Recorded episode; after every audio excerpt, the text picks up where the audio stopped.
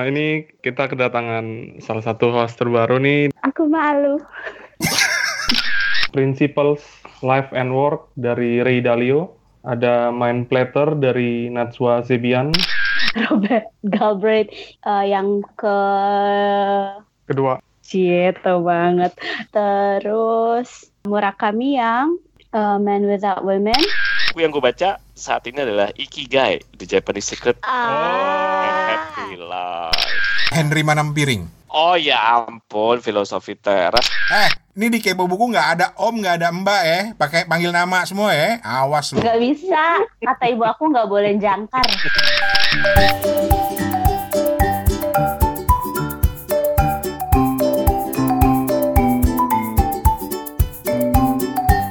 apa kabar? Ketemu lagi di season 2 Kepo Buku, sebuah podcast yang selalu kepo sama buku yang dibaca orang lain karena sering kali rekomendasi orang itu lebih keren daripada daftar bestseller di toko buku. Karena ngepoin buku lebih asik daripada ngepoin hidung artis. Lama-lama ini acara ganti nama nih jadi Lambe Buku. Anyway, di season 2 ini para kepoan Anda masih sama. Ada gua Rane Hafid di Bangkok, ada Her Toto Eko alias Toto yang basisnya sih di Singapura, tapi sering keluyuran ke mana-mana, uh, termasuk ke Bangkok dan waktu kita rekaman ini dia juga ada di Bahrain, kadang juga ada di Condet juga. dan habis itu ada Steven Sitongan di Ambon. Tapi selain kami bertiga, Kepo Buku juga punya kepoan yang keempat, anak baru Kepowati tepatnya, yaitu nanti kita kenalin lah, nanti kita kenalin. Um, di episode ini kita mau share buku pertama yang dibaca oleh para hostnya di tahun 2019 yang sangat beragam, seberagam para hostnya. Mulai dari buku self-help atau motivasi, filsafat, fiksi, sampai komik. Terus kita juga mau ngundang lo lo semua, teman-teman baik kepoan dan kepowati untuk juga share cerita tentang bukunya. Ini kenapa jadi kepoan dan kepowati sih? Ya wes, lengkapnya dengerin aja kepo buku season kedua episode perdana ini diawali dengan kita ngebully anak baru. Maksudnya memperkenalkan anak baru gitu. Pusap, skot jam, skot jam.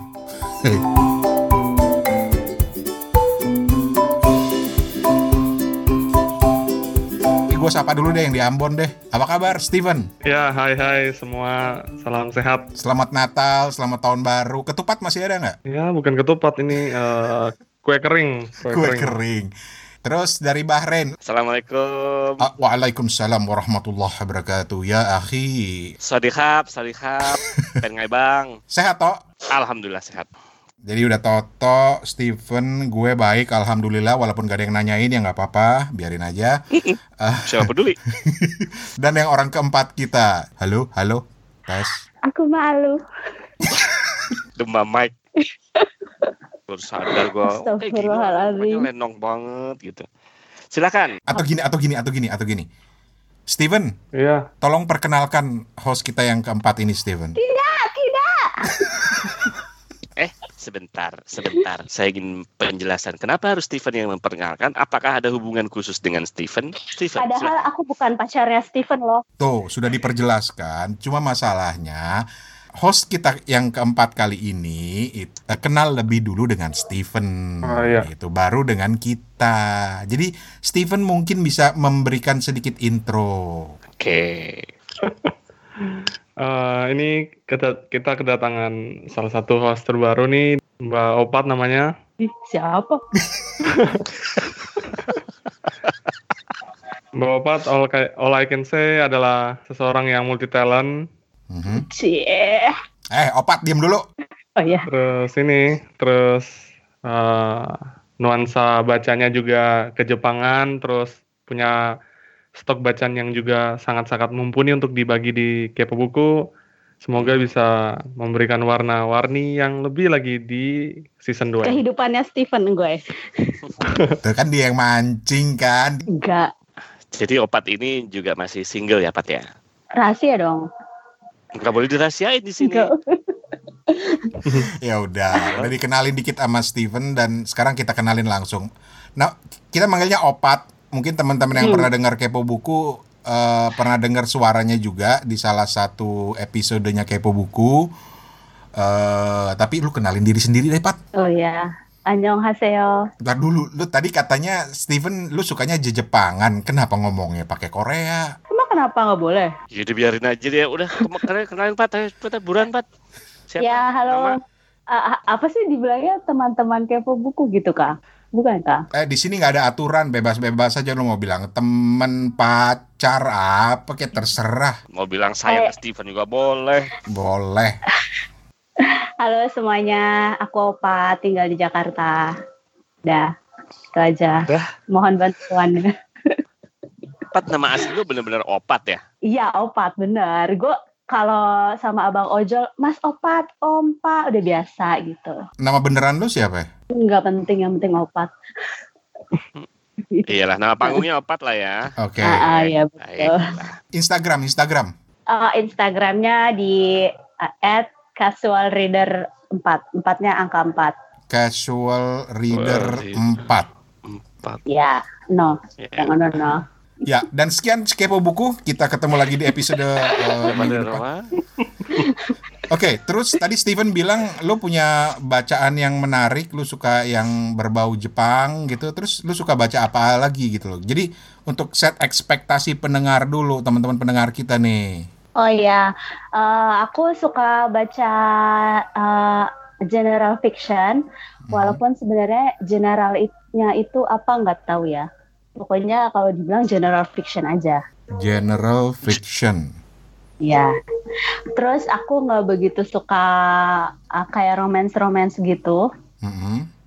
Hmm, mungkin terpengaruh oleh kehidupan pribadi ah enggak terus karena aku suk- dulu suka baca manga Mhm. tapi sekarang nggak mm, baca satu dua aja oh tapi walaupun aku nggak suka romance aku suka banget sama penulis Sophie Kinsella aku suka banget Itu gimana? agak-agak ya Gimana ceritanya lu nggak suka romance tapi suka Sophie Kinsella? ya nggak apa-apa emang kenapa masalah Sophie Kinsella ini berarti lu suka shopping lo ya. Nah, nah, tapi aku nggak pernah baca shopaholic Hmm. itu nggak pernah.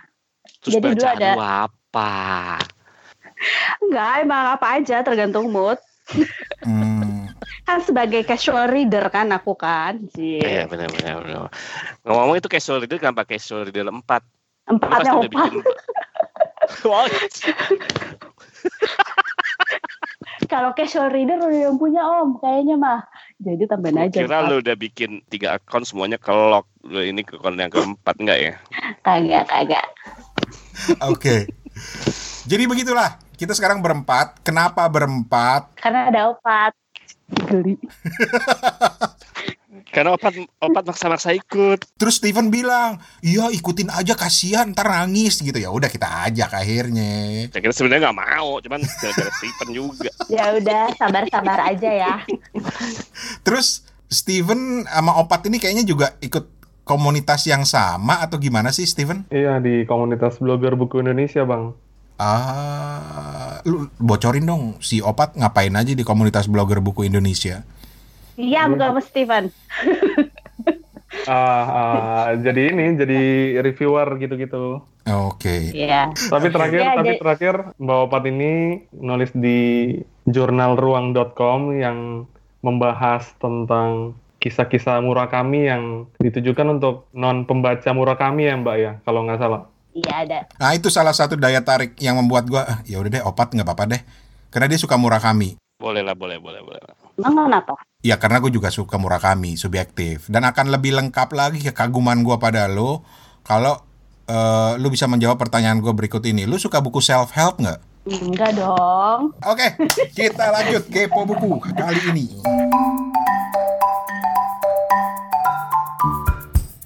Oke, itu dia host keempat kepo buku namanya Opat. Nggak ada alasan lain kita ngajak dia selain karena namanya Opat. Jadi bisa jadi host yang keopat alias empat. Halah. Oke, langsung aja kita mulai dengan melihat buku apakah yang dibaca oleh Steven Sitongan di awal 2019 ini. Kalau di episode terakhir 2018, buat lo yang dengerin atau belum dengerin bisa didengerin juga, Steven itu sudah punya resolusi untuk banyak membaca buku-buku yang sifatnya self-improvement. Cie, Steven. eh ngomong-ngomong Steven ini kalau di keluarga itu kayak kayak adik kita gitu ya, adik paling bungsu kita yang selalu kita kerjain karena dia justru lebih pinter gitu loh. Diprotes nih gua sama Toto sama ya, Opat. Ya wes, kita dengerin. Siapa yang duluan? Merane aja dulu. Eh, ini di kepo buku nggak ada om, nggak ada mbak ya. Pakai panggil nama semua ya. Awas lu. Gak bisa. Kata ibu aku nggak boleh jangkar. Apa tuh? Jangkar itu tahu nggak om? Jangkar. Manggil tanpa eh Hierarkinya. Ya, nama depannya. manggil nama apa sih namanya tuh ya gitu tuh. Kayak mi- misalnya lebih tua gitu kan. Terus aku manggilnya nggak mas atau mbak gitu nggak boleh. Ya udah, gue juga manggil Mbak Opat. Tidak. Lanjut, Steven. Stephen baca apa 2019? Yang pertama kali lu baca tahun 2019. Yang pertama kali itu ada Principles Life and Work dari Ray Dalio.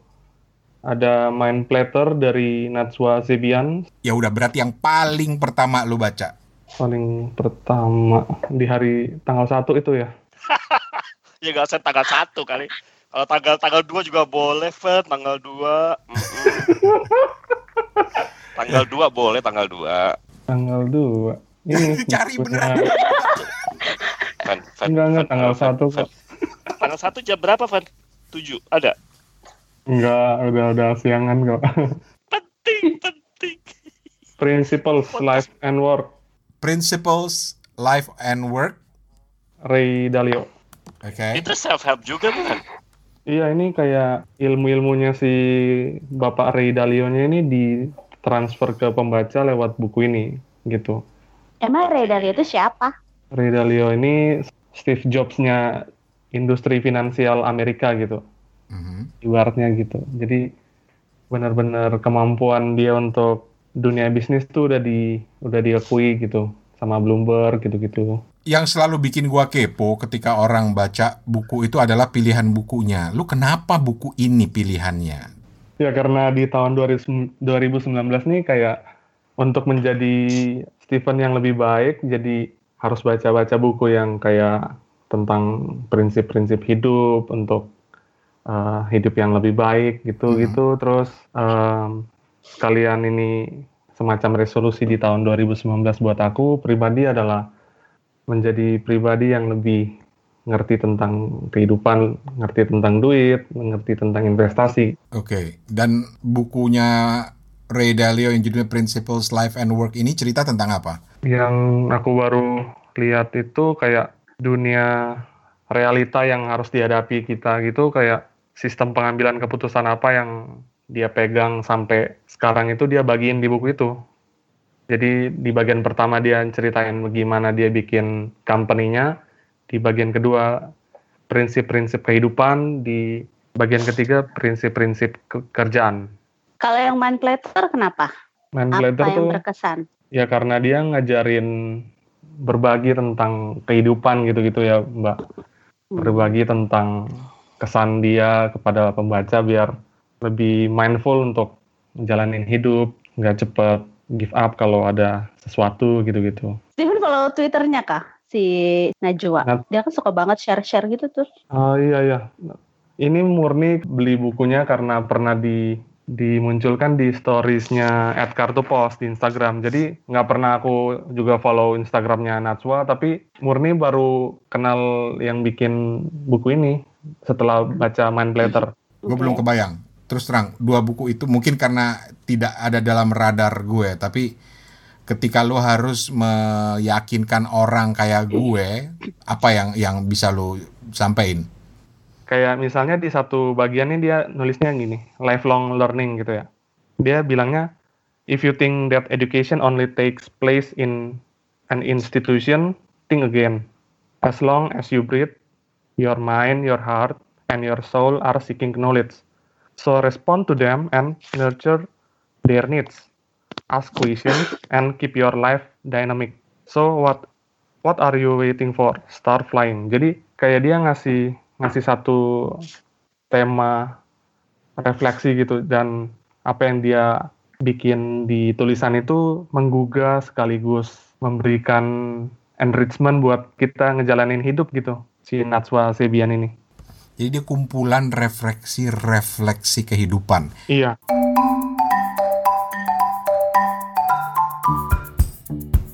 So, Principles of Life and Work karya Ray Dalio dan Mind Platter karya Najwa Zebian.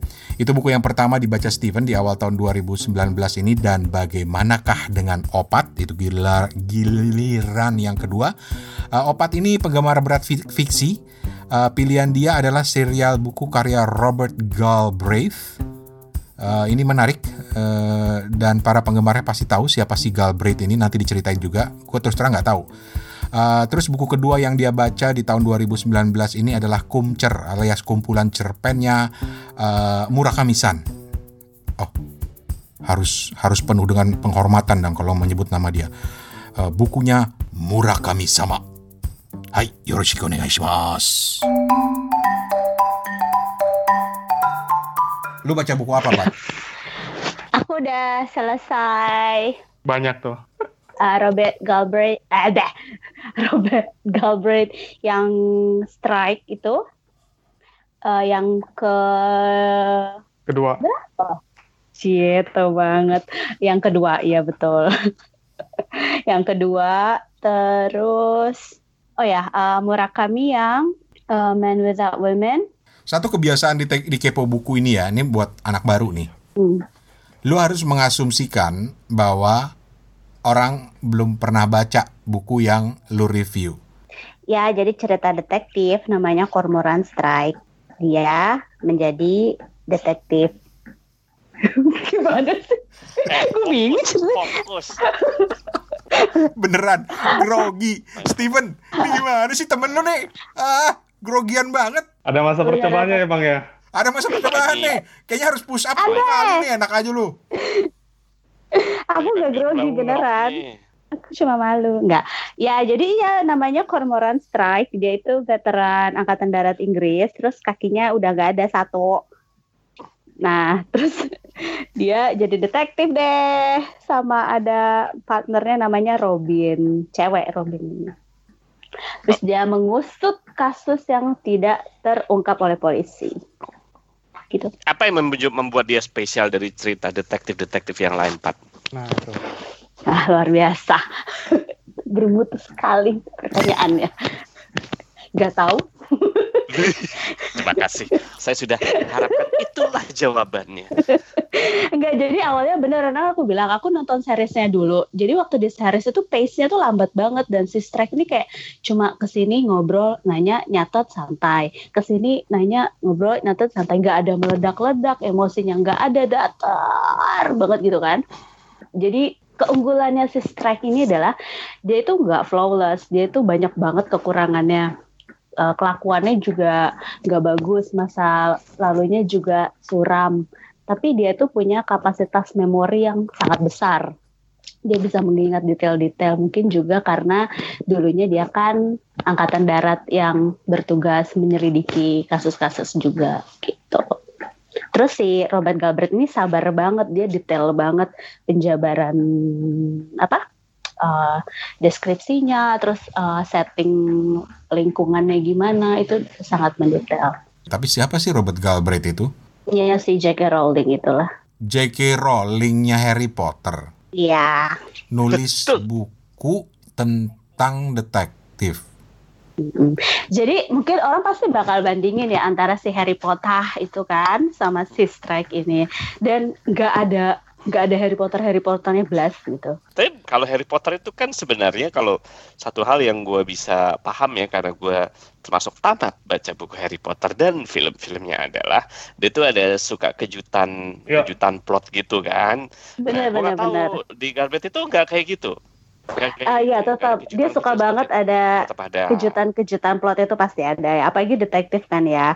Uh, Terus kayak dia yang aku perhatiin jadi misalnya di bab 2 endingnya gini terus tiba-tiba bab tiga, dari di bab 3 aja kita udah ada kejutan lah ini begini gitu gitu berarti nggak datar-datar amat dong uh, untuk datar.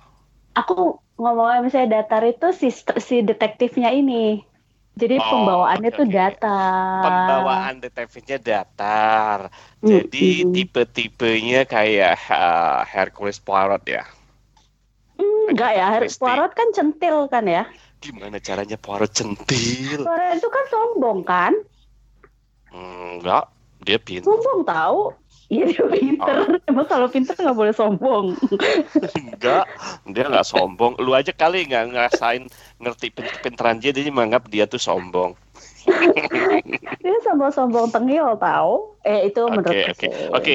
Jadi karakternya karakternya datar itu yang lo maksud, bukan plotnya yang datar. Enggak, plotnya itu tetap ada kejutan. Cuma dia kayak eh, enggak yang i- i- gimana ya? Ya rapi deh menurutku. Gue malah penasaran, pengen tahu, Steven ini buku masuk di radar lo nggak sih? Atau jangan-jangan lu udah pernah baca? Soalnya tadi lu sempet nyaut juga. Aku udah udah udah baca dua dari empat buku. Yang terakhir nih Little White. Nomor Terus? satu sama nomor duanya ini udah aku baca sekian tahun yang lalu dan suka. Cuman masuk masuk di buku novel ketiganya yang Career of Ev- Evil-nya itu aku baru baca di mungkin 10-20 halaman karena ya itu tebelnya aja udah nakutin gitu. Iya sih memang dia lumayan tebal ya. Satu bukunya 500-an halaman gitu. Iya, dan tiga buku ini udah diterjemahkan di Iya Indonesia. udah, udah, udah. Oke. Jadi mungkin peminatnya juga bagus, peminatnya udah banyak. Tapi em, kenapa yang di ketiga ini belum terlalu kuat, belum terlalu hype waktu dirilis itu waktu, waktu aku tanya ke Mbak Siskanya karena kebanyakan pembaca kan harus ngikutin dari awal tuh. Mm-mm. The Cuckoo Hmm. Calling, Silkworm. Jadi banyak yang belum tuntas juga kan di buku satu, di buku kedua. Jadi untuk masuk ke buku ketiga tuh agak-agak menjadi hambatan gitu. Tapi masih ada bau-baunya J.K. Rowling nggak sih? Aku Iya. pernah sekilas baca sih, katanya memang dia pakai nama Robert Galbraith untuk detektif Strike ini memang untuk membedakan karyanya dengan yang lain. Oke. Dan biasanya kalau cerita-cerita detektif itu biasanya memang penulisnya cowok, makanya dia pakai nama penulis cowok. Lu tahu Nora Robert kan? Nora Robert itu punya berapa pen names coba? Mm-mm. Ketika dia nulis apa, dia pakai Nora Robert. Ketika dia nulis detektif, dia pakai apa coba? JD JD Rob. Rob kan? Gue kirain jadi Salinger. Parah gue. Oke. Terus yang Murakami opat. Ya, yang Murakami Udah ini deh, nggak nggak ada berhentinya udah ini. Silakan, ada waktu dua jam kok buat ngomong. Jadi kan aku tuh cukup bias ya sebenarnya sama si Murakami. Ah, jadi aku suka Murakami tuh dari zamannya Murakami belum ngehip ngehip banget di sini, Azik. Sebelum 2010 aku udah suka. Tapi si Man Without Woman ini aku nggak begitu suka sih. Man Without Woman ini agak berbeda karena dia adalah koleksi cerita pendeknya Haruki Murakami. Iya. Terus apa yang membuat lu nggak suka? Eh, jadi karena aku bias, jadi aku tuh selalu mencari mood untuk membaca Murakami ini biar aku suka gitu. Jadi kalau moodnya ini kayaknya biasanya aku baca Murakami kalau lagi aku terlalu senang. Jadi untuk meredam emosi aku baca Murakami. Dia kan banyak ceritanya yang despair, loneliness gitu-gitu kan. Hmm. Nah aku suka banget tuh baca buku begitu tuh. Biar kebawa despairnya. Nah, jadi si Murakami si Band Without Women ini adalah kumpulan cerita, banyak kan cerita cinta ya ternyata, yang adalah tentang Men Without Women. Maksudnya emang tentang laki-laki yang gak punya wanita gitu. Jomblo gitu maksudnya, jomblo. Tuna asmara, tuna asmara ya Tuna gitu. asmara. Aduh, apa lagi tuh bahasa? Gue baru tahu tuh kata baru tuh tuna asmara. Tuna. Asik. Dibilang iya benar, Tun Asmara betul-betul. Jadi kayak membaca tujuh cerita tentang pria-pria tuna asmara tuh saat aku membaca itu cukup melelahkan. Jadi aku nggak begitu suka. Tapi ada dua uh, uh, apa ceritanya aku suka. Yang pertama judulnya Drive My Car, yang kedua judulnya Yesterday. Itu yang aku suka. Man Without Women ini diambil dari salah satu judul di dalamnya yang ya judulnya ada juga namanya Man Without Women. Kalau si Drive My Car, My Car ini tentang seorang lelaki, dia ini kayaknya aktor theatrical stage gitu deh. Hmm. Yang istrinya sudah meninggal, kemudian dia mencari sopir, sopir pribadi. Hmm. Lalu akhirnya ketemulah seorang sopir yang ternyata adalah wanita, tapi nyopirnya jago banget gitu. Terus kan aku udah deg-degan ya, aduh, aduh, aduh, bakal ada cerita aneh-aneh nih gitu kan. Kan biasanya dia begitu tuh, suka ada cerita yang aneh-aneh. Ternyata enggak, ternyata isinya adalah tentang eh, si aktor ini mengingat istrinya sudah meninggal.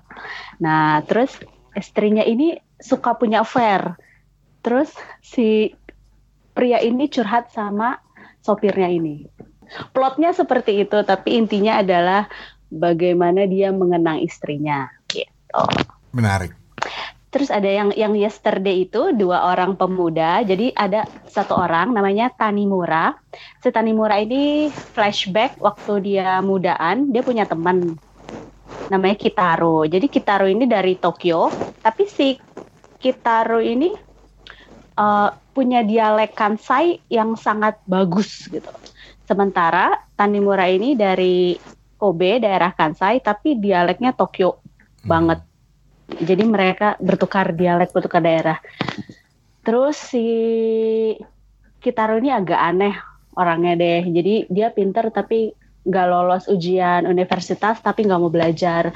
Dia bahkan nawarin ceweknya ke si Tanimura ini gitu. Hmm. Baiklah. Nah, Oke. gue gue agak-agak kesel nih sebenarnya sama Opat karena dia ngasih skor di Instagramnya lu ngasih skor berapa buat buku ini? Dua bintang dari lima. Tuh kan. Tapi gue bisa paham lah karena eh, buat gue pribadi gue memang ini buku Murakami yang yang yang mungkin kalau harus dipilih gue akan pilih ini yang terakhir gitu.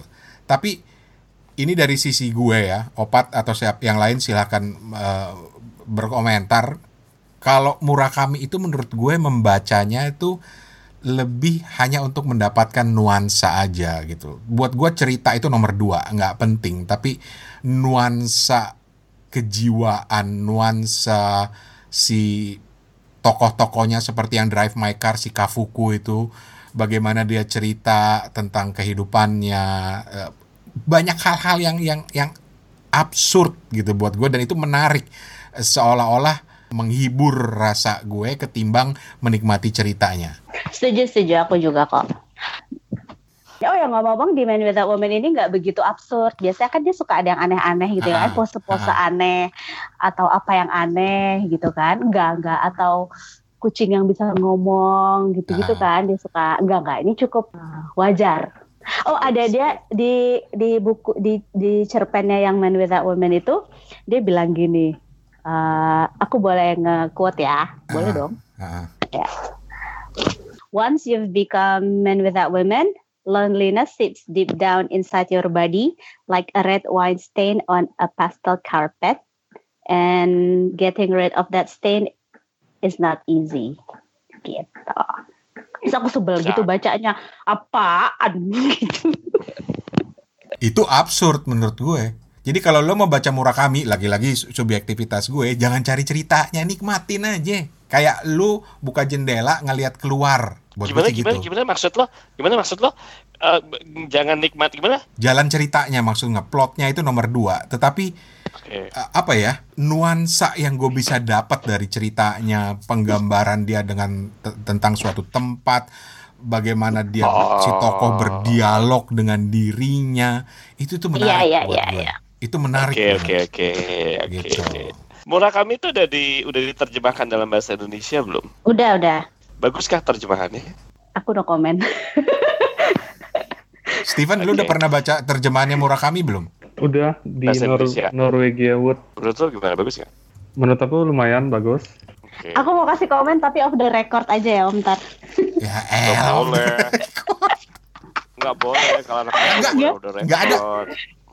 Gak mau off the record ya udah nggak usah komen. Kalau gue begini, untuk menikmati Murakami itu gue sarankan lebih ke bahasa Inggrisnya, bukan karena gue meremehkan terjemahan bahasa Indonesianya, tapi si penerjemahnya, eh, kalau nggak salah udah ada beberapa penerjemah ya. Paling nggak yang gue tahu itu ada J. Rubin sama eh, Philip siapa gitu. Philip Gabriel. Nah, dia itu benar-benar menangkap nuansa bahasa Jepangnya baru dituangkan ke Inggris. Jadi bukan sekedar menerjemahkan. Karena mereka ini pakar bahasa Jepang dan bahasa Jepang itu memang banyak nuansanya. baca dalam bahasa Jepang dong. Tahu aku ya, penerjemah bahasa Indonesianya orang Jepang deh. Untuk beneran? Oh. Mm. Seriusan, kata siapa? Iya. Kata aku nggak denger. Menarik. Bisa panjang nih kalau ngomongin Murakami.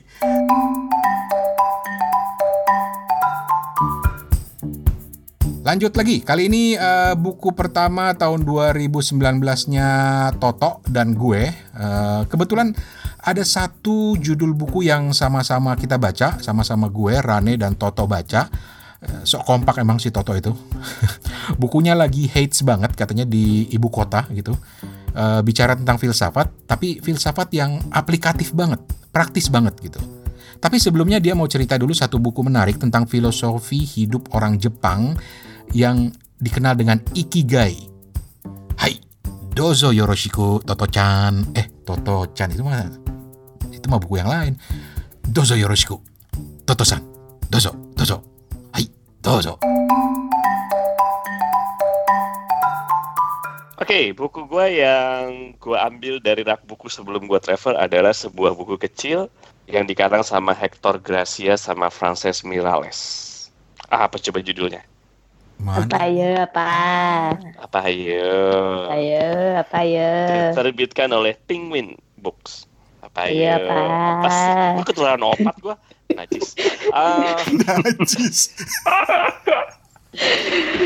Oke, buku yang karena ini gue lagi traveling ya, jadi gue eh, kemarin Alasan. ambil buku karena karena bukunya kecil dan udah lama sebenarnya pengen gue baca, gue pengen tahu sebenarnya buku apa gitu kan. Eh, buku yang gue baca saat ini adalah Ikigai, The Japanese Secret and Ah. Happy Life. Ini sebenarnya gue nggak tahu ya, ada tren ada tren eh, buku-buku kayak gini ya. Ada Iya, yang betul-betul. ini kan eh, Japanese style gitu ya. Ada yang dari mana tuh? Eh Danish kayak gitu-gitu ya kalau nggak salah ya. Scandinavian gitu-gitu kah? Scandinavian gitu-gitu. Terus The Art of Tidying Up. Jadi sebenarnya buku-buku kayak gini nih sudah cukup ngetren beberapa bulan yang lalu sebenarnya. Cuman gue selalu melengos aja kalau setiap kali ngelihat gitu. Hmm. Terus? Nah ini gue ambil kenapa? Karena bukunya kecil. Jadi gue pengen tahu aja penasaran nah. Gue baca buku apa ya yang bisa gue bawa ya. Akhirnya buku ini gitu. Hmm. Walaupun isinya sebenarnya ya ya Gitu-gitu juga. aja. gitu-gitu aja gitu ya. Eh, intinya lu kalau pengen punya long Umur life panjang. yang happy, umur panjang ya lu harus punya misalnya melakukan kegiatan yang lu inflow di dalamnya gitu misalnya. Jadi nggak ada urusan gitu kalau kerjaan lu itu memang nggak untuk have a long life nggak harus lu retire dari kerjaan lu kalau kerjaan lu itu sudah inflow sama lu misalnya kayak gitu Mhm. Nggak nggak nggak berarti bahwa lu eh, capek kerja gitu lembur. Kalau lu memang menikmati ya udah. Bahkan dia menyarankan tidak retired gitu misalnya. Gitu bapak. Ini kayak gini-gini buku-buku kayak gini termasuk self help nggak ya? Gue bingung juga. Nggak tahu. Mungkin si eh, Stephen tahu atau si Opa tahu. Kategorinya self help bukan? Iya, masuk itu. masuk ya? Oke jadi Iya. Rani harus baca ini Tapi kayaknya si Ikigai ini nggak begitu susah deh. Maksudnya nggak begitu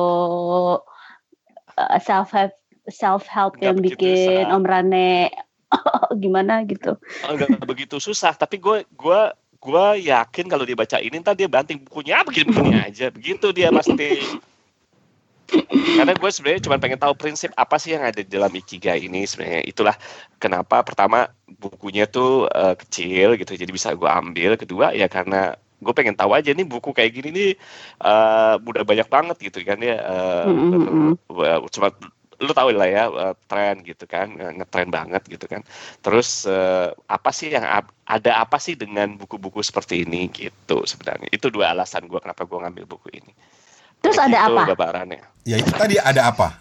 Dari buku itu apa yang lo dapat? Gini, kalau misalnya em, lu tuh pengen nggak stres gitu, orang kalau lu pengen long life sebenarnya jawaban dia cuma cuma ada dua. Lu tuh jangan stres-stres amat ya, orang juga tahu sebenarnya ya. Tapi bagaimana lu supaya nggak eh, stres gitu misalnya, yaitu lu harus mengerjakan, lu lu mikir bahwa apa yang lu kerjakan saat ini sebenarnya sudah inflow nggak sih, udah udah eh, udah lu nyaman nggak sih gitu. Tidak setiap hal yang membuat lu bekerja keras gitu ya terus lu eh, terus harus tinggalkan gara-gara lu pengen long life gitu belum tentu. Kalau misalnya kita gitu kita suka podcastan biar sampai berjam-jam kalau kita in ya sudah lakukan gitu. Walaupun mungkin menurut orang bilang "Lu gila lu ngerjain gitu sampai berjam-jam. Tapi kalau emang lu in di dalam kegiatan yang lu lakukan ya lakukan gitu. Itu menurut dia salah satunya itu gitu misalnya. Jadi lu harus punya an active mind sebenarnya. Eh, apa ya Active mind itu apa sih, Pat? Main yang aktif. You're not Gitu. helping opat. Iya, Thank you. thank you. That's the key of success adalah kunci kesuksesan. Gitu. Oke, jadi ikigai Gitu. eh, rahasia orang Ikigai. Jepang untuk eh, hidup eh, panjang dan apa ya bahagia.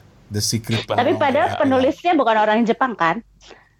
Bukan, tapi si Hector ini kalau nggak salah ya dia itu dual citizen. Jadi ya ada Hmm. Jepang-Jepangnya dikit. Walaupun dia bukan orang Jepang. Jadi dia du- dual citizen Spain sama Jepang. Sementara yang satunya sih enggak gitu. Oke, Begitulah. oke, ikigai. Mm. Terus ada buku lain? Nggak ada dong. Yang Buku- mana? Buku bukunya yang mana? Henry Manampiring. Siapakah itu? Ah, berarti dia belum baca. Oke, Belum baca. Filosofi gua baca. teras. filosofi teras. Oh ya ampun, filosofi teras. Gue nggak, gue maaf ya, maaf, maaf, maaf, maaf, maaf, maaf, maaf untuk pengarangnya. Saya tidak hafal pengarangnya. Ya saya sudah baca beberapa lembar, tapi saya tinggalkan dulu sementara. Sebab traveling atau ada alasan karena bukunya? Enggak, bukunya bagus sebenarnya. Jadi eh, ternyata buku itu tuh gue pernah baca satu buku yang tentang stoik kan, Iya. itu dalam bahasa Mm-mm. Inggris. Ternyata buku itu adalah buku itu. Sebenarnya gue nggak pernah tahu bahwa ternyata itu adalah terjemahannya Itu. filosofi teras. Teras apa teras ya? Gue nggak tahu ya cara bacanya gimana. Eh, Mbak O dan Mas Steven apa sudah pernah baca filosofi teras? Belum. Tahu Belum, belum. Apalagi kan aku follow Instagram, eh Instagram, Twitternya kan dan dia eh, banyak sekali kan apa Mhm. promosi dan informasinya tapi belum. In, eh, Steven udah? Belum, belum. Belum. Ini dua buku pertama yang gue baca di 2019.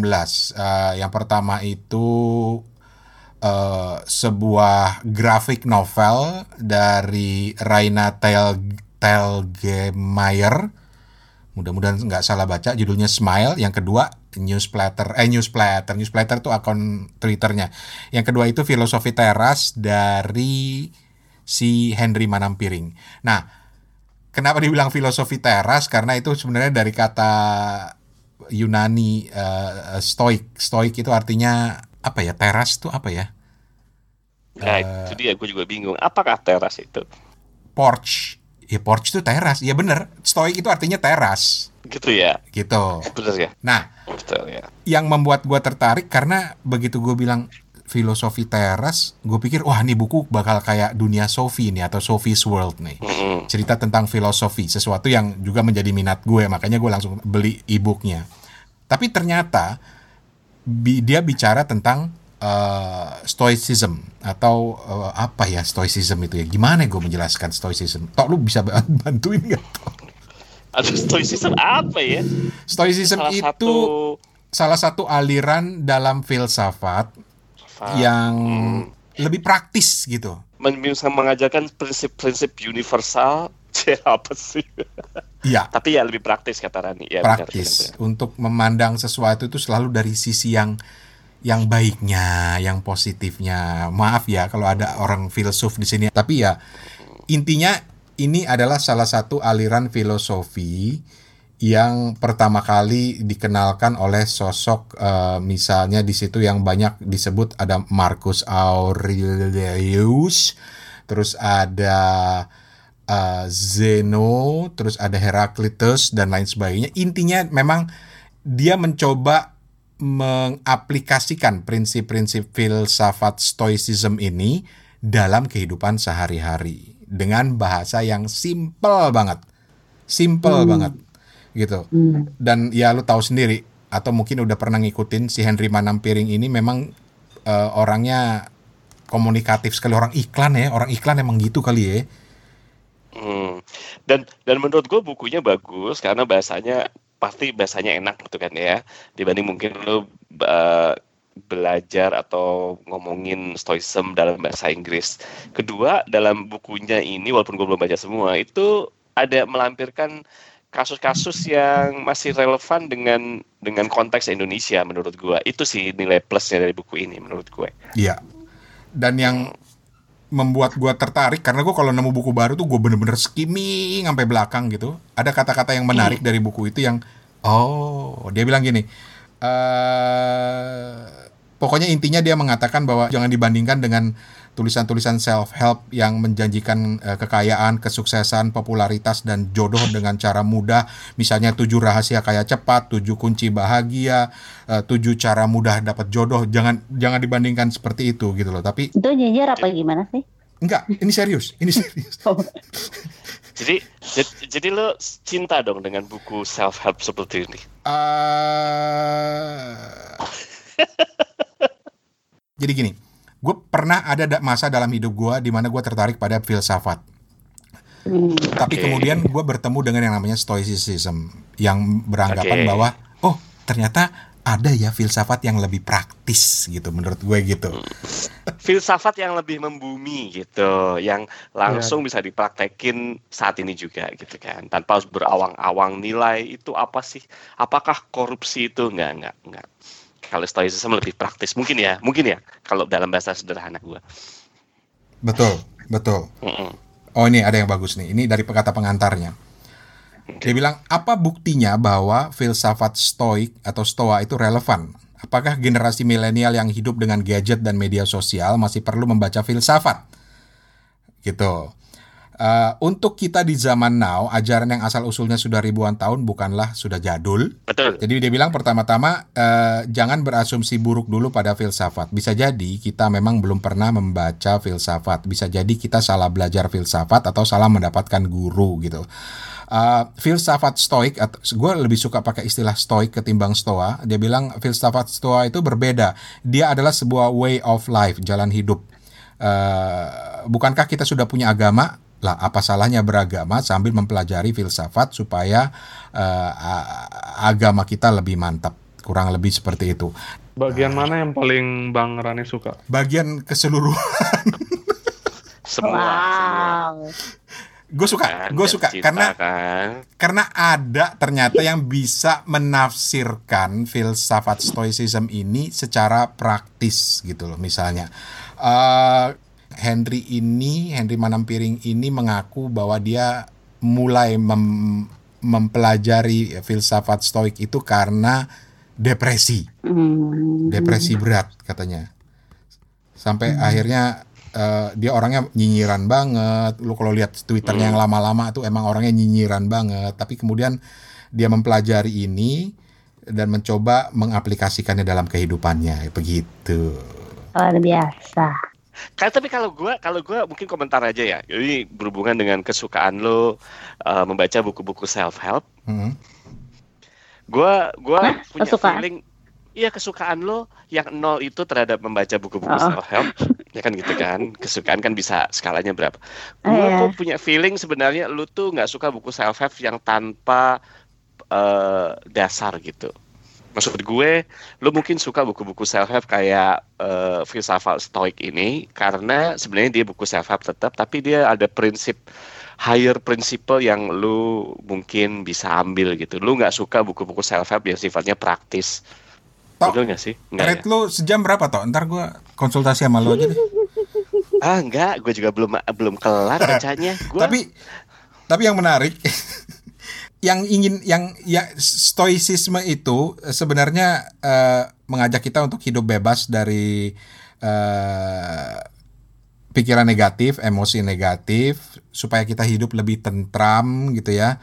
Hidup dengan lebih baik dan penuh kebaikan, wisdom, kemudian eh, adil, kemudian punya keberanian untuk mengungkapkan apa yang tidak sejalan dengan uh, diri kita dan juga kemampuan untuk menahan diri. Nah, yang menarik si Henry ini kemudian mengaplikasikannya dengan kehidupan-kehidupan sehari-hari mulai dari soal pacaran, mulai dari soal uh, kehidupan di alam kita yang sekarang sedang dikotori dengan berbagai macam hal yang terkait dengan politik, mau pemilihan presiden, hoax segala macam gitu. Itu bikin kita jadi stres. Jadi dia hanya belajar untuk bilang bahwa ada hal-hal dalam hidup, oh my god, gue ngomong kayak begini, gue gak percaya nih gue ngomong begini. Tapi ada hal dalam hidup yang bisa kita kontrol dan ada yang tidak bisa kita kontrol. Ngapain lu mikirin yang nggak bisa lu kontrol? Ngapain lu mikirin oh, soal? ngapain? Apa, apa sayur call, sayur call. ngapain lu misalnya mikir? Jadi jadi sebenarnya dia ngajak kita untuk menata pikiran bahwa ada yang bisa lu khawatirkan, ada yang nggak perlu lu khawatirin. Kekayaan itu hal yang di luar kendali lu. Hal-hal kayak gitu. Cuma sama Henry ini dibuat dengan sangat lugas, sangat simple, sangat membumi. iya.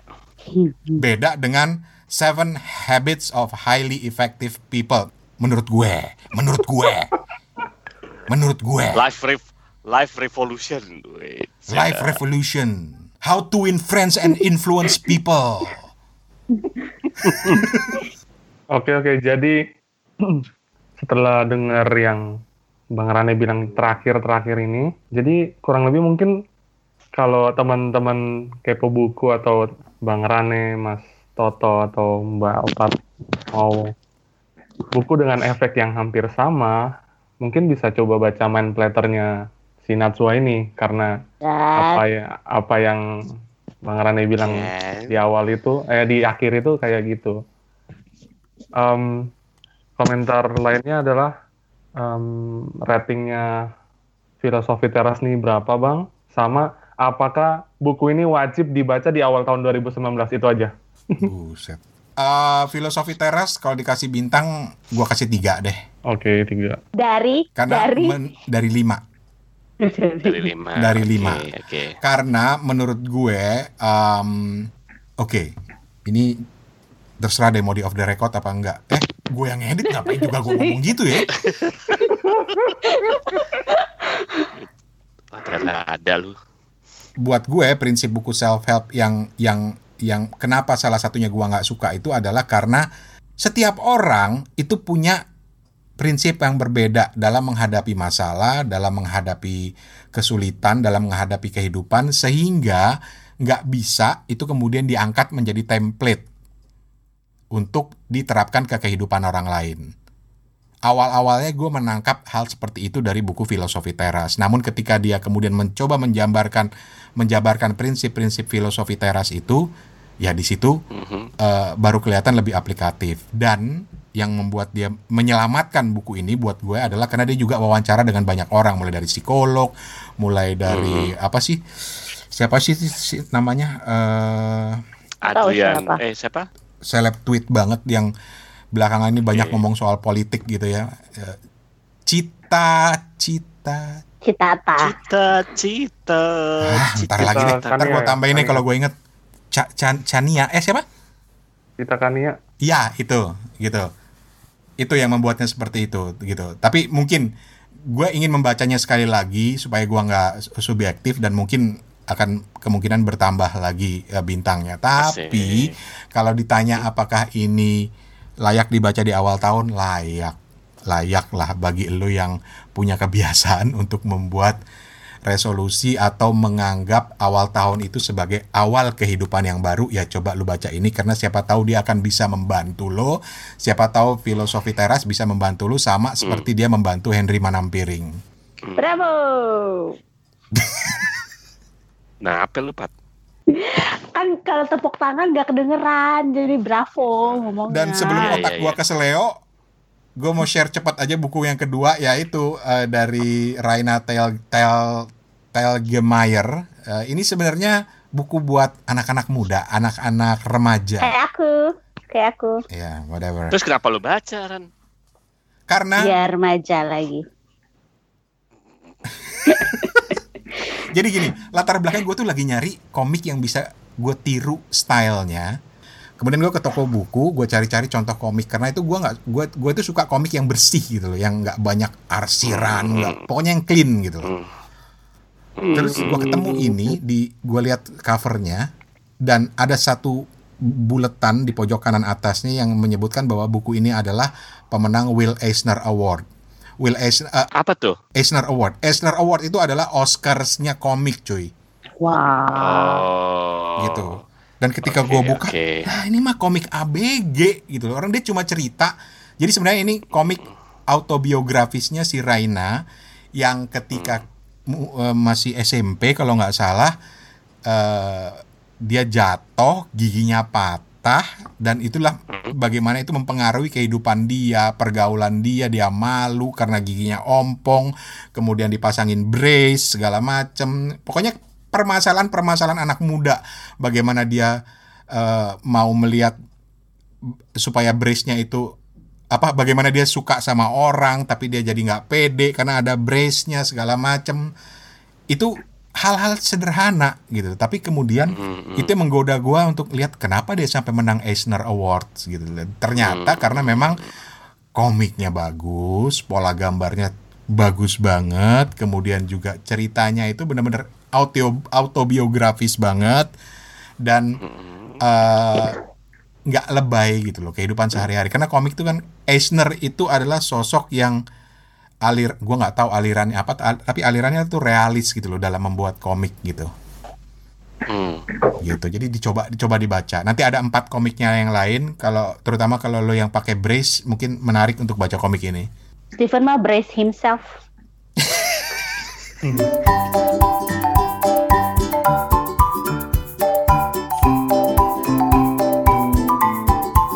Dan saudara-saudara para kepoan dan para kepowati di seluruh Nusantara dan di berbagai belahan penjuru dunia, itulah Kepo Buku episode perdana. Sebetulnya masih panjang, tapi sayang gitu karena ini juga episodenya udah kepanjangan, udah sejam lebih. Eh, jadi kita akan pindahkan ke episode kedua yang masih akan ngomongin soal buku-buku tahun 2019 dan di episode berikutnya kita akan saling menantang untuk membaca buku-buku yang kalau istilahnya opat itu bukan buku a cup of tea kita, bukan cup of tea kita tapi cup of coffee gitu. Apa maksudnya?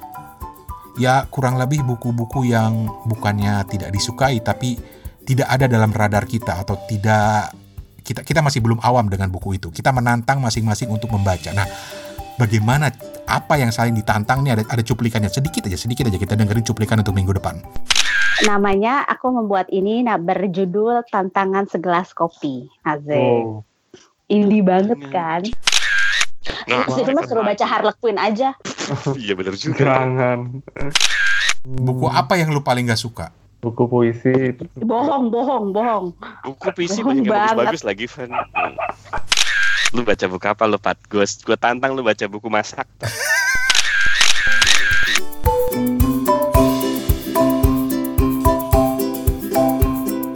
Nah, kalau ada teman-teman yang mau coba terima tantangan ini, ayo share cerita kalian via rekaman audio dan nanti dikirim ke kita dan akan kita sertakan di Kepo Buku. Oh ya, eh, di episode minggu depan juga ada seorang teman di Tangerang yang akan share cerita bukunya yang dikirim via email. Nih cuplikannya.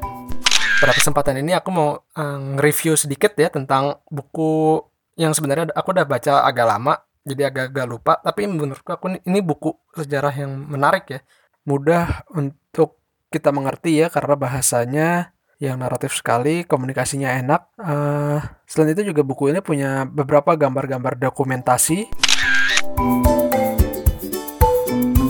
Yoi, dan jangan lupa kita undang teman-teman semua para kepoan dan kepowati untuk cerita tentang buku-buku yang baru dibacanya. Eh, rekam aja cerita kalian di handphone, terus attach di email ke suarane@gmail.com seperti teman kita yang barusan tadi, yang lengkapnya akan kita dengar di minggu depan gitu ya. Jadi attach aja di email, kirim ke suarane@gmail.com, suarane@gmail.com atau pakai voice note di WhatsApp juga bisa. Caranya di browser HP kalian tulis aja link ini bit.ly bit.ly garis miring ikut kepo buku bit.ly garis miring ikut kepo buku nanti akan kebuka ke WhatsApp tinggal rekam di situ sebut nama kalian tinggalnya di mana, dan lagi baca buku apa dan kenapa. Rekaman lo nanti akan kita sertakan di episode-episode Kepo Buku berikutnya. Gitu aja. Oke, kita ketemu di episode berikutnya. Uh, sebelum ditutup, minta maaf banget kalau misalnya ada kata-kata kita yang menyinggung. Kalau tadi gue juga ngeledek-ledekin buku tertentu, pilihan buku orang lain, segala macam. Minta maaf. Justru uh, gue tuh pengen di Kepo Buku ini kita semua saling uh, apa ya meyakinkan masing-masing pihak bahwa buku apa pun itu uh, buku apa pun itu menarik untuk dibaca sebetulnya. Makanya lu harus ikutin episode yang berikutnya karena di situ kita akan saling menantang buku-buku yang sebelumnya tidak ada dalam radar kita. Gitu. Jadi mohon maaf kalau ada yang tersinggung, semua itu tidak disengaja. Gitu. Akhirnya gue Rane Hafid atas nama Steven Sitongan di Ambon, Toto yang lagi ada di Bahrain waktu kita rekaman ini dan juga Opat yang lagi ada di Jakarta, host baru kita. Kita berempat pamit. Uh, karena kali ini banyak banget buku-buku yang dibahas yang bersifat motivasional, help, self-help gitu ya. Jadi gue mau tinggalkan kalian dengan satu quote yang relevan banget dari Toto barusan ya, yang kayaknya penting buat kita kutip sebagai penutup. Quote-nya gini. Key of success adalah kunci kesuksesan. The key of success adalah kunci kesuksesan. Terima kasih. Assalamualaikum.